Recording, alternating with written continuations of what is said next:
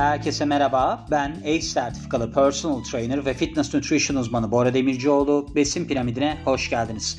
Bu bölümümüzde HEAT antrenmanından bahsedeceğim. HEAT antrenmanının sonucunda ortaya çıkan kortizol hormonundan bahsedeceğim. Çünkü çoğu kişi şöyle sihirli haplar arıyor biliyorsunuz. Mesela diyet yapmasın ama kilo versin. Spor yapmasın ama vücut yapsın. Böyle enteresan yaklaşımlar var. Bir de HEAT son zamanlarda özellikle de bir 3-4 senedir çok popüler olduğu için insanlar bir ara şeye çok dadanmışlardı. Crossfit sınıflarına filan. İşte hatta ben çok bölüm yaptığım için birkaç bölümde bundan da bahsettim. İnsanları genellikle Amerika'da da bu böyle yapılıyor mesela. Aynı sınıflara alıyorlar ve yaşlar değişik. Yani 70 yaşında kadın da var, 18 yaşında kız da var. Hatta Netflix'te bunun bir belgeseli bile var. Orada insanlar bu sınıflara katılıyorlar. Katıldıktan sonra tabii ki bazılarına göre çok kolay gelen bir şey, bazılarına çok ağır gelebiliyor. Çok riskli durumlar olabiliyor. Burada da bu high intense interval training yani yüksek yoğunluklu aralıklı antrenman bizim aslında temel alacağımız nokta olacak. Neden? Çünkü insanlar bir an önce ben kilo vereyim istiyorlar.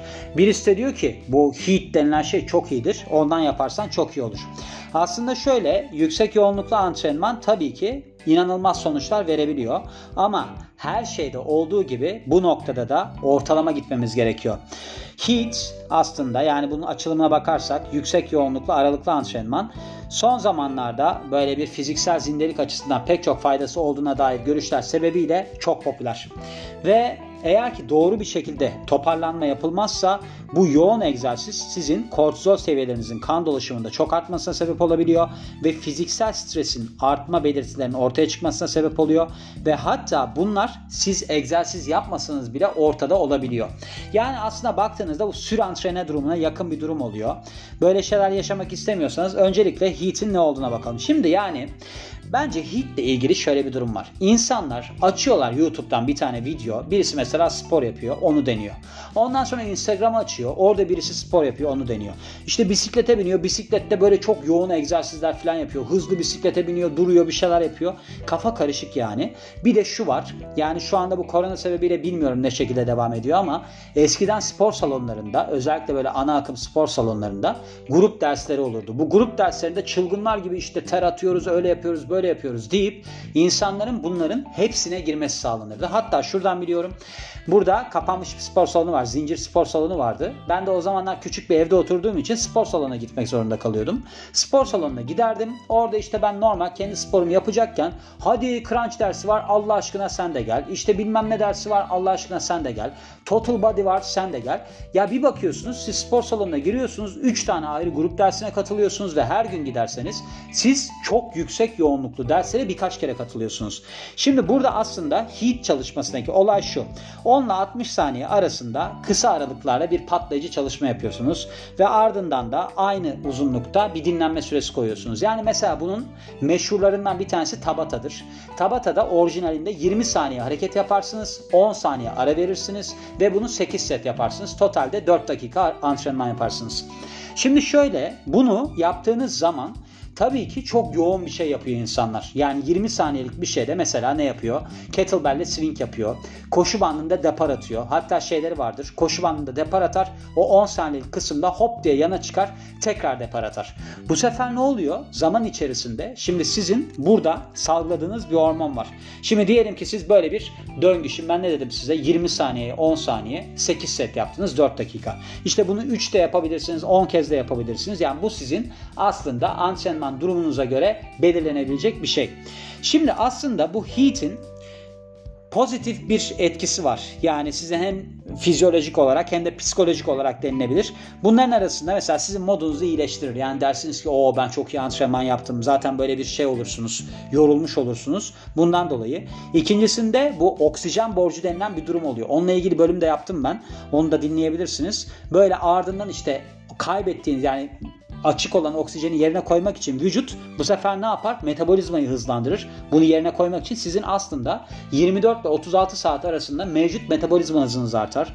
Bununla beraber işte vücut görüntünüz iyileşir ve sizin pardon açlık kan şekerinizde iyileşme ve de insülin hassasiyetinizde iyileşme olur. Neden olur bu? Çünkü aslında bu tarz antrenmanlar anaerobiktir. Anaerobik glikolizi içerir. Yani şeker kullanırsınız bunlarda. Biliyorsunuz anaerobi var bir de anaerobik kreatin fosfat enerji sistemi var. O da ne oluyor işte maksimum 10 saniye işte 12 saniyeye kadar sizin kreatin kullanmanız durumunda gerçekleşiyor bu. Diğerinde anaerobik glikolizde maksimum 60 saniyelik bir sürede bazı durumlarda 75'e çıkabiliyor. İşte laktik asit salgılıyor bundan sonra vücut. O zaman ne oluyor? Biz glikoz kullanıyoruz daha çok. O zaman da ne olacaktır işte sizin kan şekerinizden tüketeceğiniz için bunu bu sefer de sizin aslında açlık kan şekeriniz iyileşecektir ve de insülin hassasiyetiniz artacaktır. Şimdi pek çok hani faydası gördüğünüz gibi var HEAT antrenmanının ve bu sebeple kendisine Magic Pill deniliyor. Yani bir sihirli hap. Ancak şöyle siz eğer ki bunu pek çok zaman içerisinde yaparsanız yani mesela haftalık böyle her gün siz heat antrenmanı falan yaparsanız böyle bir vücudunuzda aslında hormonal değişimler yaşanıyor. Aslında olumsuz yaşanıyor. Ve şu var. İlk başlarda şöyle algılıyorsunuz bunu. Sizin enerji seviyeleriniz artıyor. Çünkü özellikle kortizol hormonunda ve bununla beraber pek çok hormonda, hormonda, hormonda bir dalgalanma gelişiyor. Şimdi kortizol nedir? Kortizoldan bahsedeyim. Kortizol aslında sizin vücudunuzun stresle baş etmek için salgıladığı ana hormonlardan bir tanesi. Ve HIIT sırasında yani yüksek yoğunlu, yoğunluklu antrenman sırasında sizin beyniniz stresi algılıyor ve pek çok hormon salgılıyor. Bunların arasında kortizol de var. Kortizolün salgılanması sempatik sinir sistemini devreye geçiriyor ve bu da aslında savaş ya da kaç yanıtı oluşturuyor. Tarihsel olarak baktığınızda sempatik sinir sistemi sizin böyle bir işte tehlikeyle karşı karşıya kaldığınızda hayatta kalmanızı sağlamak açısından vücudunuzun hızlı enerji sağlamasını ve de sizin ya böyle kaçma ya da savaşma enerjisi bulmanızı sağlayan bir hormon. Yani bu aslında sempatik sinir sisteminin olayı. Sempatik sinir sistemi devreye girerse sizin işte sindiriminiz yavaşlıyor, işte nabzınız hızlanıyor. Sizin işte böyle bir hani tehlikeyle karşılaştığınız zaman vücudunuzun hızlı enerji kullanabilmesi için kan şekerinizden çekmesine sağlıyor falan.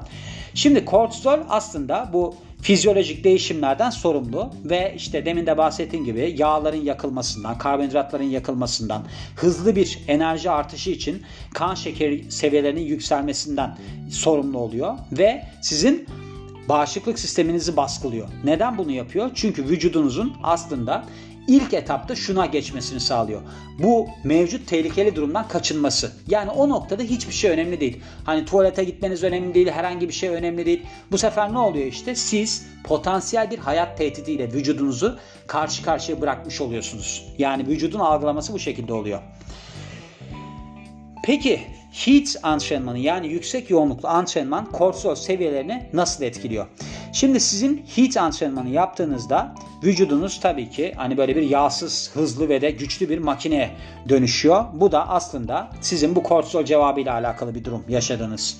Şimdi sizin mesela vücudunuz işte bir pedal çevirmeye başladığınızda böyle çevirebildiğiniz kadar hızlı bir şekilde ne oluyor? Vücudunuza şu mesaj gidiyor. Siz bu bisiklet pedalını çevirmeye hayatınızın bağlı olduğunu düşündürüyorsunuz vücuda. Yani vücut diyor ki hızlı çevir bir şeyden kaçıyor. Ardında bir hayvan var, bir şey var işte. Yani bunu tarihsel olarak değerlendiriyor. Böylece ne oluyor? Sizin kortizol ve diğer hormonlarınız açığa çıkıyor ve sempatik sinir sisteminin bir cevap geliştirmesi sağlanıyor. Böylece ne oluyor? Sizin metabolik olarak iyileştirmeler sağlanıyor. Yani sizin bu tecrübe ettiğiniz duruma vücudunuzun hazırlanması sağlanıyor. Yani siz stresli bir duruma hazırlıyorsunuz vücudunuzu kısacası. Şimdi bu noktada aslında bu normal. Ama eğer ki sizin kortizol seviyeleriniz vücudunuzda çok fazla artarsa yani bu şeyden dolayı da olabilir. Mesela fiziksel olarak da olabilir ama psikolojik olarak da olabilir stres durumu. Yani siz çok fazla böyle bir şeysinizdir. Mental olarak yoğunluk altındasınızdır. O da kortizol salgılatır. Siz çok fiziksel olarak kendinizi yıpratırsınız. O da kortizol salgılatır. Böylece ne oluyor? Kortizol sizin aslında kan dolaşımınızda kafasına göre takılmaya başlıyor ve sizin günlük hayatınıza negatif belirtiler yerleşmeye başlıyor. Şimdi buna overtraining sendrom deniliyor. Yani sürantrene sendromu deniliyor. Bunun sonucunda da pek çok aslında fizyolojik durumlar gelişiyor. Bunların arasında da işte nedir? Yükselen aslında kortizol seviyeleri var. Şimdi overtraining yani sürantrene sendromunun semptomları arasında kronik yorgunluk var, kas yorgunluğu ve siz egzersiz yaparken belirgin şekilde düşen enerjiniz var. Mod değişimleri yaşarsınız bu noktada. Fiziksel ve psikolojik motivasyonda düşüş yaşarsınız. Uyku kalıplarınızda ve değişimler olur ve işte siz uykusuz bir hale gelebilirsiniz. Uyumakta sorun çekebilirsiniz. Anksiyeteniz artabilir. İmmün sisteminiz yani bağışıklık sisteminiz baskılanabilir ve sürekli olarak hasta olma eğiliminde olursunuz. Ve işte eğer ki kortizolle alakalı olarak böyle bir dengesizlik durumu ortaya çıkarsa siz son birkaç günde antrenman yapmasanız bile bu belirtiler ortaya çıkabilir. Yani siz antrenman yapmıyorsunuz ama gene de çok yorgunsunuz. Çok bitkin hissediyorsunuz kendinizi.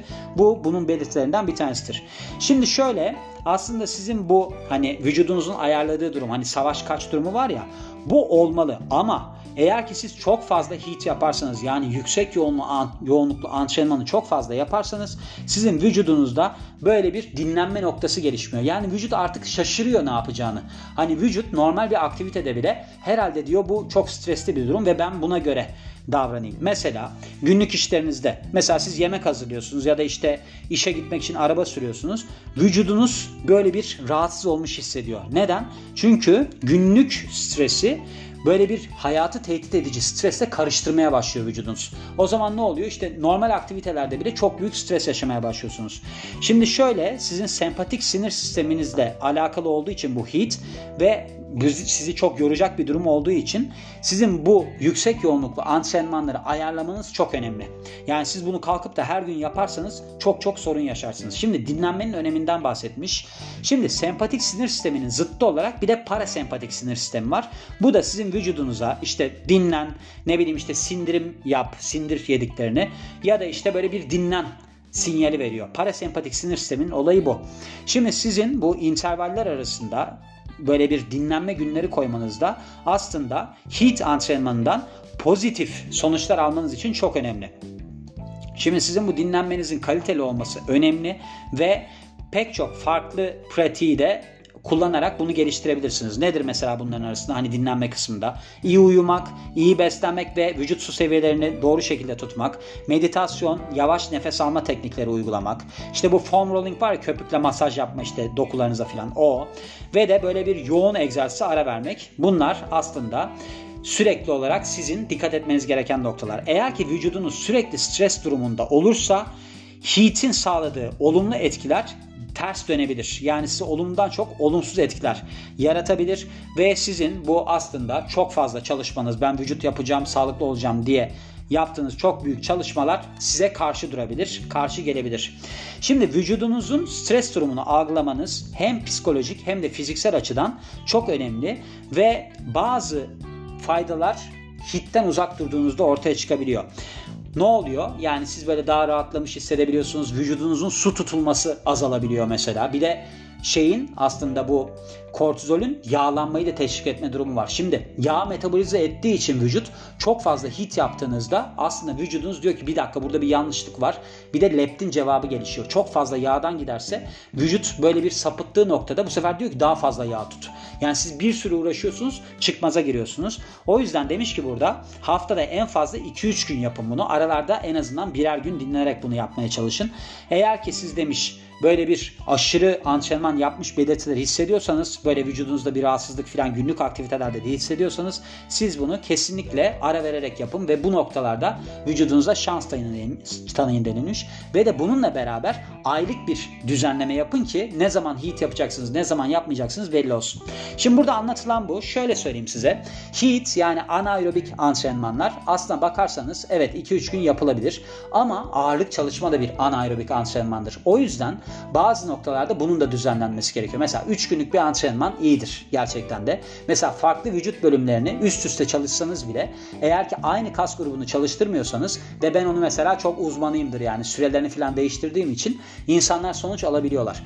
Ama ben geçmişte yani bundan 15 sene önce falan bu HIIT'e çok sarmıştım bir ara.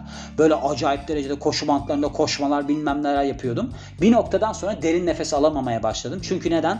Vücudum bu sempatik sinir sistemi halinde kalmaya başladı. O zaman akciğer kapasiteniz de düşüyor. Derin nefes almanız zorlaşır. Derin nefes almanız zorlaşır. Yatakta yatarken kalkıp nefes almanız gerekir filan. Öyle durumlarda yaşayabilirsiniz. O yüzden baktığınızda aslında bunun programlanmasını bilen birinin yapması lazım. Yani şu var. Şimdi bunu siz ben antrenmanı çok ağırlaştırmayacağım deyip çok fazla da düşürebilirsiniz. Çok böyle şey de yapabilirsiniz. Abartabilirsiniz. O yüzden onu dengeleyecek bir şey lazım. Yani şu var. Mesela dayanıklılık çalışmaları var. işte hipertrofi çalışmaları var. Patlayıcı kuvvet çalışmaları var. Onların hepsinin dengeleri değişik. Onları kombinleyebilirsiniz. Onları yapamayıp tamamen hiçbir vücut geliştirmeden yine sempatik sinir sisteminizi devreye koyabilirsiniz. Sorun yaşayabilirsiniz. Onun için aslında ayarlama çok önemli. Buradaki bahsettiğinin yanı sıra 2-3 gün falan zaten odur da civar. Hani insanlar bir şey yapmaya başladıkları zaman bir de onu ayarlayamıyorlar. Hemen sonuç alsın istiyorlar. O yüzden buna da dikkat edin diyorum ve bu bölümün de sonuna geliyorum. Beni dinlediğiniz için çok teşekkür ederim. Ben Bora Demircioğlu. Yeni bir bölümde görüşmek üzere. Hoşçakalın.